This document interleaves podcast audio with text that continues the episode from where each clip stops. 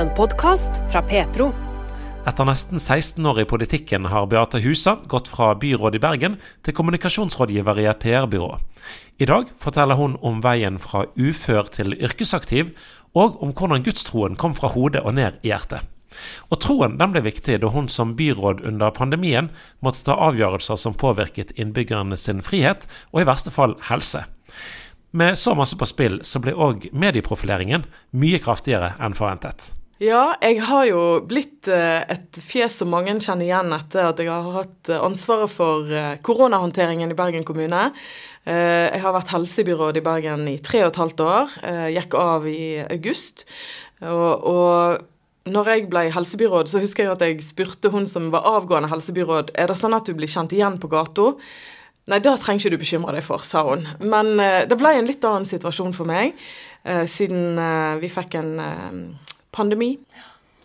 Du sto jo i volds, et voldsomt mediepress. Hele tiden så vi deg på, på, TV. Hvordan opplevde du det? Det var veldig spesielt å komme i en sånn situasjon og vite da at eh, nå handler det om å redde liv og helse. Vi fikk veldig alvorlige reportasjer fra Kina, vi fikk de fra Italia. Og så fikk vi da i slutten av februar 2020 vårt første koronatilfelle i Bergen. Eh, og jeg har jo nesten humra litt med meg sjøl når jeg har sett på bildet fra den første pressebrifen vi holdt. For da satt vi jo tett i tett, vi fire som skulle snakke med pressen. Eh, og ingen tenkte på avstand eller munnbind eller noen av de tingene. Eh, og vi trodde jo ikke at dette skulle bli så stort og så omfattende som det blei. Men etter hvert så forsto vi at dette er en krise, her må det settes i gang tiltak. Og, og da å skulle ta den typen avgjørelser som påvirker menneskets liv så inngripende som det gjør, eh, det er jo en eh, ja, det er en spesiell opplevelse. Det krever refleksjon, og, og, det er en type makt du er gitt som du egentlig ikke kunne tenkt deg å ha, men samtidig må du tørre å gjøre noe. Jeg tror det er litt av clouet når man kommer i en krise. Da må man faktisk tørre å gjøre noe. Og så er det ikke alltid man uh, gjør det riktige, men da må man òg tørre å gå tilbake og gjøre noe annet fordi det kjennes riktig. Eh, så selvfølgelig, det som eh, var òg veldig intenst, var at det var så stor pressedekning, så mye eksponering i media, både eh, aviser og radio og TV. Direktesendinger på nasjonal-TV, pressekonferanser som du skulle ikke bare gjennomføre, men òg svare på spørsmål på direkten etterpå. Eh, det er klart det krever at du er veldig skjerpa, og det krever at du jobber innimellom døgnet rundt. Det tror ikke jeg skal legge skjul på. det vil jeg tro. Et voldsomt ansvar som var lagt på dine skuldre. Mm. Men, men presset i seg sjøl, opplevde du det bare negativt eller positivt, eller i det hele tatt? Eh, jeg, jeg, er veldig takknemlig for at jeg fikk sove godt i den perioden, og at uh, folk som uh, kjenner meg, sendte meg meldinger, oppmuntra meg, sa at de ba for meg. Uh, jeg opplevde en ro. Jeg opplevde at Gud var med meg. og så er det liksom vanskelig å peke på konkret hvordan opplevde du da men jeg opplevde en trygghet og en ro som gjorde at jeg kjente at jeg klarte å være skjerpa. Uh, og Det betyr ikke at ikke jeg uh, gjorde feil og kunne gjort ting bedre og, og alt det, men uh, det betydde mye for meg og mitt indre liv at jeg kjente at det var mange som tenkte på meg. Så du merket konkret at Jesus var med deg i hverdagen, Beate? Ja, jeg gjorde virkelig det. jeg hadde liksom sånn rutine, da, at hver kveld så gikk jeg en tur rundt et vann i nærheten av der jeg bor, og, og snakket med Gud og takka han. Jeg har ofte opplevd tidligere i livet at man kommer til Gud og har behov for å komme til Gud med en del ting. 'Dette og dette og dette trenger jeg hjelp til. Dette er vondt og vanskelig i livet mitt.' På et tidspunkt, så, og det var lenge før korona, så bestemte jeg meg for at eller jeg, jeg, jeg, opplevde det veldig demotiverende, så jeg bestemte meg for at i stedet for å si det på den måten, så skal jeg takke Gud. Så skal jeg si takk, Gud, for at du ser den situasjonen jeg står i. Takk, Gud, for at du passer på meg. Takk for at du passer på barna mine, og alt dette. Og, og da for meg ble det en mye mer uh, En god måte å be på. Uh, som gjorde at jeg var mer motivert for å be, hvis det går an å si det på den måten. For da følte ikke jeg at jeg hele tida kom og maste på Gud på et vis. Jeg tror Gud tåler mas dag ut og dag inn. Men for meg ble det liksom en, en litt mer sånn positiv måte å takke Gud. Og, og på den måten følte jeg òg at jeg viste han tillit ved å si takk for at du passer på meg. Så talte jeg på en måte da litt sånn inn i mitt eget liv òg, og det ga meg en trygghet. Uh, og for meg har det i hvert fall uh, fungert godt, men til alle lyttere som kjenner at uh, de klarer, klarer, bare å sukke, så er Bibelen full av sukk. Bibelen er stappfull av sukk. Det er en grunn til at vi har en egen bok i Bibelen som heter Klagesangene. så det er lov å klage, og Gud tåler alle slags bønner. Heldigvis. Så hver må finne sin, sin måte, men for meg ble dette godt. Men du har jo ikke bare Eh, du har jo opplevd litt av hvert i livet ditt, du òg, og sett at du, du, du, har fått smake livets både bakside og medaljens bakside og fremside, om vi kan si det sånn. Mm. Eh, men vokste du opp i et kristent hjem, f.eks., Beate? Ja, jeg vokste opp i et kristent hjem. Eh, begge foreldrene mine Nå er pappa død, da, men begge foreldrene mine er kristne, og vi har hatt ja, masse Gått på søndagsskole, gått på møte osv. Eh, vært med i ulike sammenhenger eh, når jeg var ungdom osv. Og, så hadde jeg nok en periode hvor jeg bare kjente at eh, jeg syntes det var vanskelig eh, å være kristen. Jeg syntes eh, det å være kristen var veldig begrensende. Jeg opplevde eh, kanskje ikke helt at jeg trodde med hjertet, på et vis. Iallfall etterpå, når jeg fant tilbake til troen, så tror jeg nok jeg aldri mista troen. Men jeg har pleid å si det på den måten at jeg gikk fra å være kristen med hodet til å bli kristen med hjertet. Uh, og det handler om hvordan jeg opplevde at Gud møtte meg. Uh, og, og da, For meg har det vært en veldig god, god opplevelse som har blitt med meg uh, resten av livet. Mm. Og hvis du, Før du forteller det, hvis du vil fortelle det, hva som skjedde, så opplevde du jo en del motgang på både barneskole og litt, og litt av hvert av at du vokste opp i et kristent hjem. Så gjerne ikke var helt enkelt å takle i forhold til troen og alt for det, kanskje? Ja, og jeg tror nok det, det, er sikkert mange som kan fortelle om lignende opplevelser. Og så er det jo litt ulikt hvor mye det går inn på oss. At man blir eh, erta, eller kanskje til og med mobba fordi man har et eh, kristent livssyn, eller fordi foreldrene er kristne, og så tar man det for gitt at eh, barna deres òg er kristen. Om det er annerledes nå, det vet jeg ikke, men sånn var det i hvert fall for meg. Eh, og, og da å på en måte da komme over til et punkt hvor du tror uavhengig av dine foreldre, var i hvert fall sånn, et steg for meg, da. Um, og, og jeg, for meg ble det, uh, når jeg faktisk uh, skulle få mitt første barn, da ble det en sånn endring. For jeg vil si jeg var på en måte Ja, jeg var kristen, og, og ville nok synes det var vanskelig å si nei hvis noen spurte meg direkte om jeg var kristen, men hadde ikke noe eh, Var ikke med på noen kristne aktiviteter, leste ikke i Bibelen, forholdt meg ikke til Gud. Jeg uh, ville vil ikke det. Jeg var um, Ja, jeg var, var, ikke, var, ikke, der. Men så skulle jeg få mitt første barn, og da var jeg uh, 25 år. Og når hun blei født og det å stå med et nyfødt barn i hendene, det er jo Jeg tror de fleste opplever det som veldig sterkt. For meg kjentes det som et, et mirakel. Jeg, jeg, så på denne lille bylten og, og, kjente bare på selvfølgelig en enorm takknemlighet for at hun var frisk og, og alt det, men òg på en sånn overveldende følelse av at dette er noe jeg skal ta vare på. Sant? Hun skal ha mat og klær og alt det, men hun skal jo òg vokse opp i noe trygt og godt. Og ja.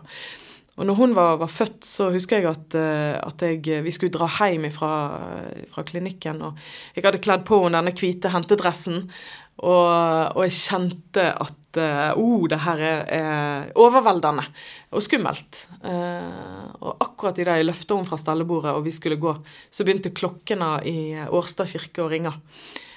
Og det kjentes der og da som en slags sånn eh, trøst eller en, et signal eller et eller annet overnaturlig fra Gud. Selvfølgelig alle kan si ja, men det var jo tilfeldig, men for meg opplevdes det veldig sterkt akkurat i det i løftet så ringte klokke, klokkene, og da kjente jeg ok, nå tør jeg å reise hjem, og eh, kanskje Gud er med. Uh, ja. Uh, og så, hadde jeg da en periode i kanskje første, de første to-tre ukene uh, etter at hun var født, at, uh, at, jeg likevel kjente på den overveldende opplevelsen av at jeg klarer Dette er ikke noe vi klarer alene, vi må ha hjelp. vi må, ja. Uh, og jeg husker jeg ringte til søstera mi, og hun, uh, hun, skjønte jo at jeg Nå er det noe som skjer her. Beate er på søken, og ja. Og hun kom til meg med ei bok. Og den boka hadde ikke perm, så jeg visste ikke hva den boka handla om. Hun bare sa 'les denne'. Og jeg begynte å lese i den boka. Og når jeg var kommet halvveis i den boka, og jeg kan ikke si tittel, ingenting, for jeg husker ikke det, så Jeg hadde kanskje funnet det ut, men eh, så, så kjente jeg jeg må ta imot Jesus, rett og slett. Jeg må be et frelsesbønn. Um, og i dag jeg sa uh, Jeg tror jeg sa noe sånt 'Jeg vil tilhøre deg, Jesus', eller 'Jeg tror på deg', eller Så bare strømmer tårene, helt ukontrollert. Uh, Dattera mi, da var jo Dette var om kvelden, hun lå og sov. Og jeg kjente Jeg fikk en veldig sterk åndelig opplevelse. Og dette kan jo være veldig rart for uh, Enten for folk som ikke har hatt en åndelig opplevelse, eller folk som ikke tror uh, at Gud finnes, kanskje. Så høres det jo ut som noe veldig rart noe. Men for meg opplevdes det som at jeg hadde engler på besøk. det var en atmosfære som ikke verken før eller seinere har vært i nærheten av. En, en sånn totalopplevelse av kjærlighet eh, og, og, lykke. Oh. Eh, som Ja, jeg har jo ikke noen forklaring på det, men eh, for meg ble det en veldig sterk opplevelse av at nå møtte Gud meg eh, så konkret og så overveldende eh, at jeg eh, har aldri kunnet Altså, jeg, jeg kan ikke gå vekk ifra troa, for da jeg vet at han møtte meg. Og dermed vet jeg at han finnes. Og det er sikkert provoserende for noen å høre. Men for meg Jeg kan kun si hva som er riktig for meg. Og for meg er det sånn. Ja. Så det var rett og slett som om, om, om Jesus nesten, eller engler var i rommet? Ja. Sånn kjentes det. Ja. Eh, og det, det, har blitt i meg, og eh, Ja. Og jeg eh, er så takknemlig for at jeg fikk den opplevelsen. Fordi Og jeg har pleid å si òg at hvis det skulle nå vise seg den dagen jeg dør, at det er ingenting, at Gud ikke finnes uh, Hvis noen kom til meg nå og sa det, vi kan bevise det, så hadde ikke jeg villet gitt fra meg troen. Fordi at den betyr så mye for meg. Det er så godt å ha Gud i hverdagen. Det er så godt å kunne bare gå til Gud. Det er jo ikke uten grunn at han kaller seg for underfull rådgiver og Altså alt hva det måtte være, så er, kjenner jeg at det å komme til Gud gir jo alltid et annet perspektiv. En, en, et håp om at dette skal gå bra. Mm. Og det er det jeg ikke ville ha gitt fra meg for uh, penger. ja. Dette her og Jesus og alt sammen har vel vært med og båret deg gjennom årene videre. Du, du har jo ikke bare hatt enkelt.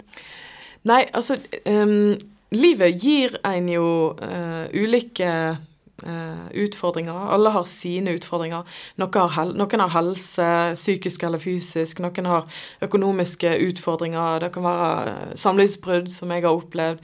Eh, det kan være mange ting sant, som eh, gjør at uh, livet er tøft.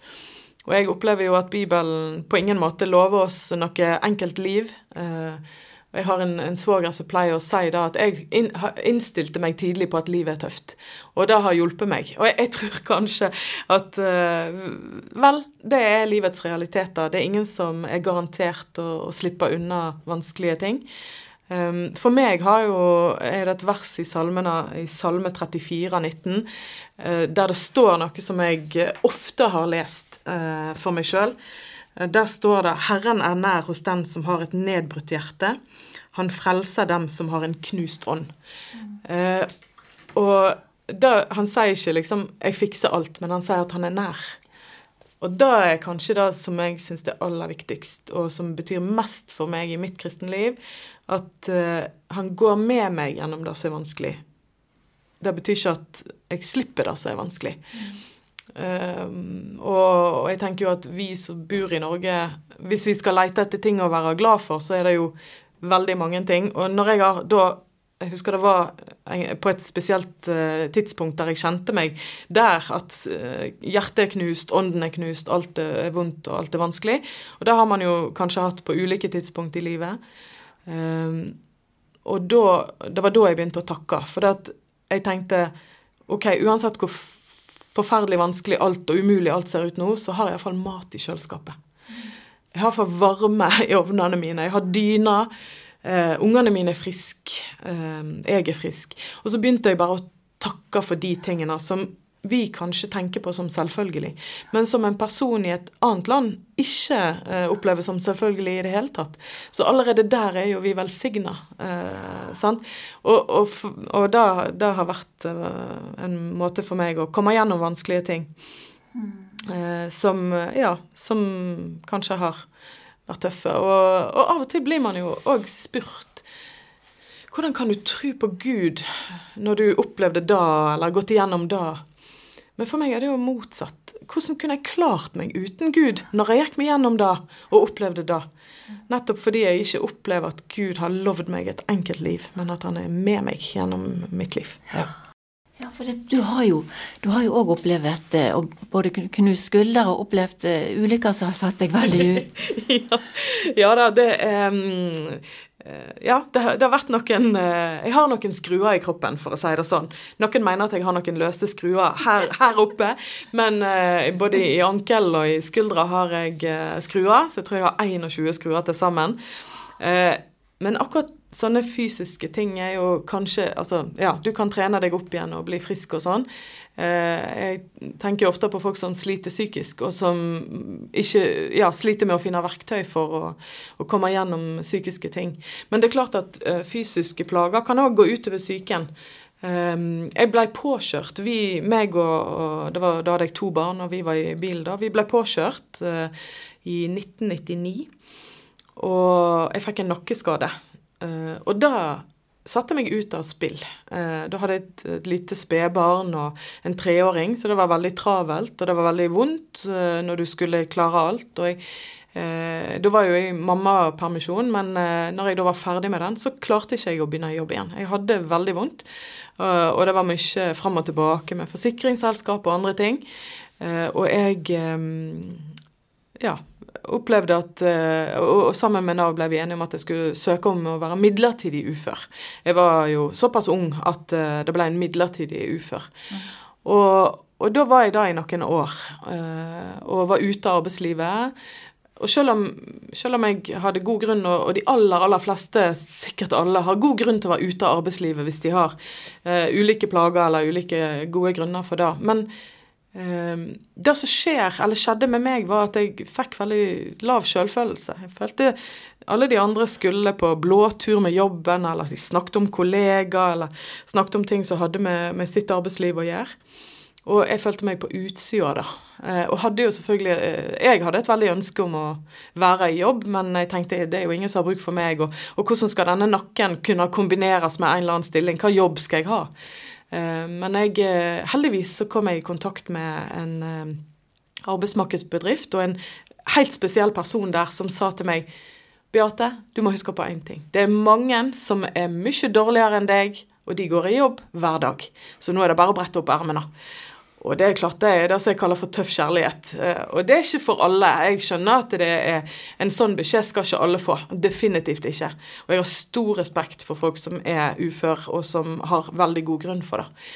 Men han leste meg og så meg og skjønte at hun tåler å få en sånn beskjed, og hun har en type plage som kan kombineres med arbeidslivet. Og for meg så ble hans beskjed eh, Måten jeg leste hans beskjed, var at Oi, her er det jo en som tror at jeg kan bidra med noe. For jeg hadde jo lulla meg inn i en tanke om at jeg ikke var så mye verd, og, og hva er det jeg skal bidra med. Så jeg gjorde det som han sa. Jeg brettet opp de ermene, og jeg søkte på de jobbene. Og så fikk jeg da en halv stilling, eh, der jeg jobba i tror jeg tre år. Og så tok jeg en videreutdanning, og så ble jeg eh, kirkeverge, faktisk, eh, i det som heter Sund kommune den gangen. Og da viser det jo seg at jeg kunne jobbe 100% og den stillingen var vel mer enn 100% òg innimellom. Eh, og hadde veldig stor glede av det, og opplevde jo òg at helsa ble bedre av å være i jobb. Fikk mindre tid til å tenke på nakke og plager og alle disse tingene, og eh, fikk veldig mye ut av å være i jobb.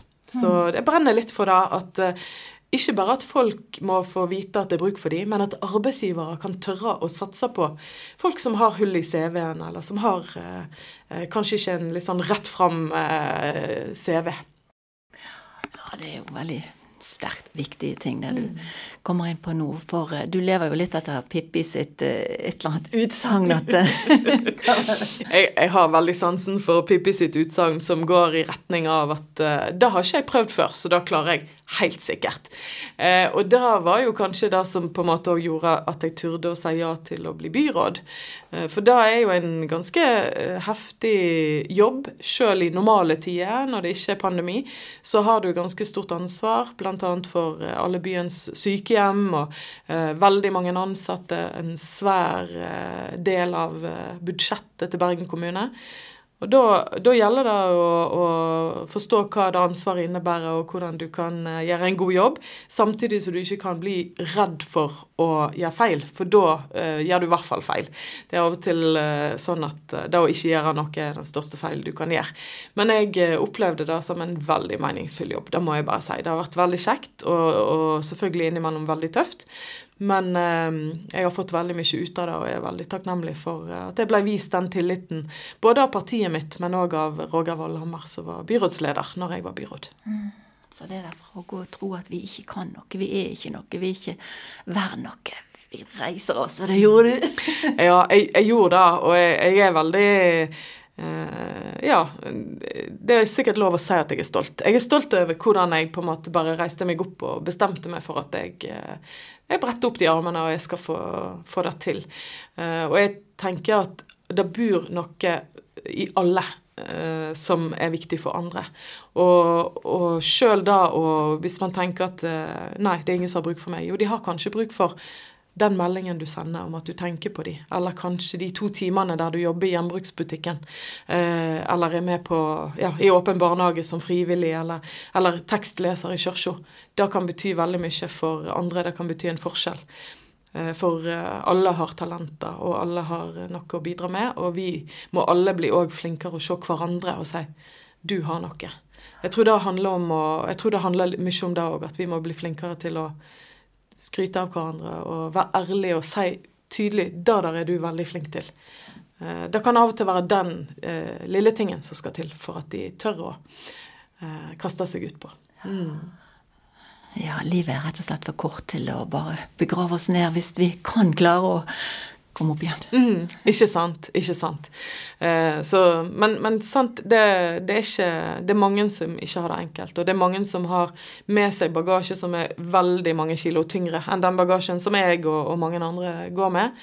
Eh, og ja, jeg tenker igjen det bibelverset om at Gud, Gud er nær den som har et knust hjerte. Trøst, ja, Det ligger en trøst i det. Jeg tror det mm. ligger en veldig trøst i det. Gud er med. Petro har mange ulike podkaster og serier. Samlivsskolen gir råd og tips til par. I Pastoren og Journalisten prøver vi å finne ut hvorfor mange unge forlater menigheten i overgangen til voksenlivet. Og i Petro-gjesten får du høre livs- og troshistorien til en lang rekke spennende mennesker. Ekte og ærlig. Du finner alt i Petro-appen, på petro.no, eller der du ellers lytter til podkaster.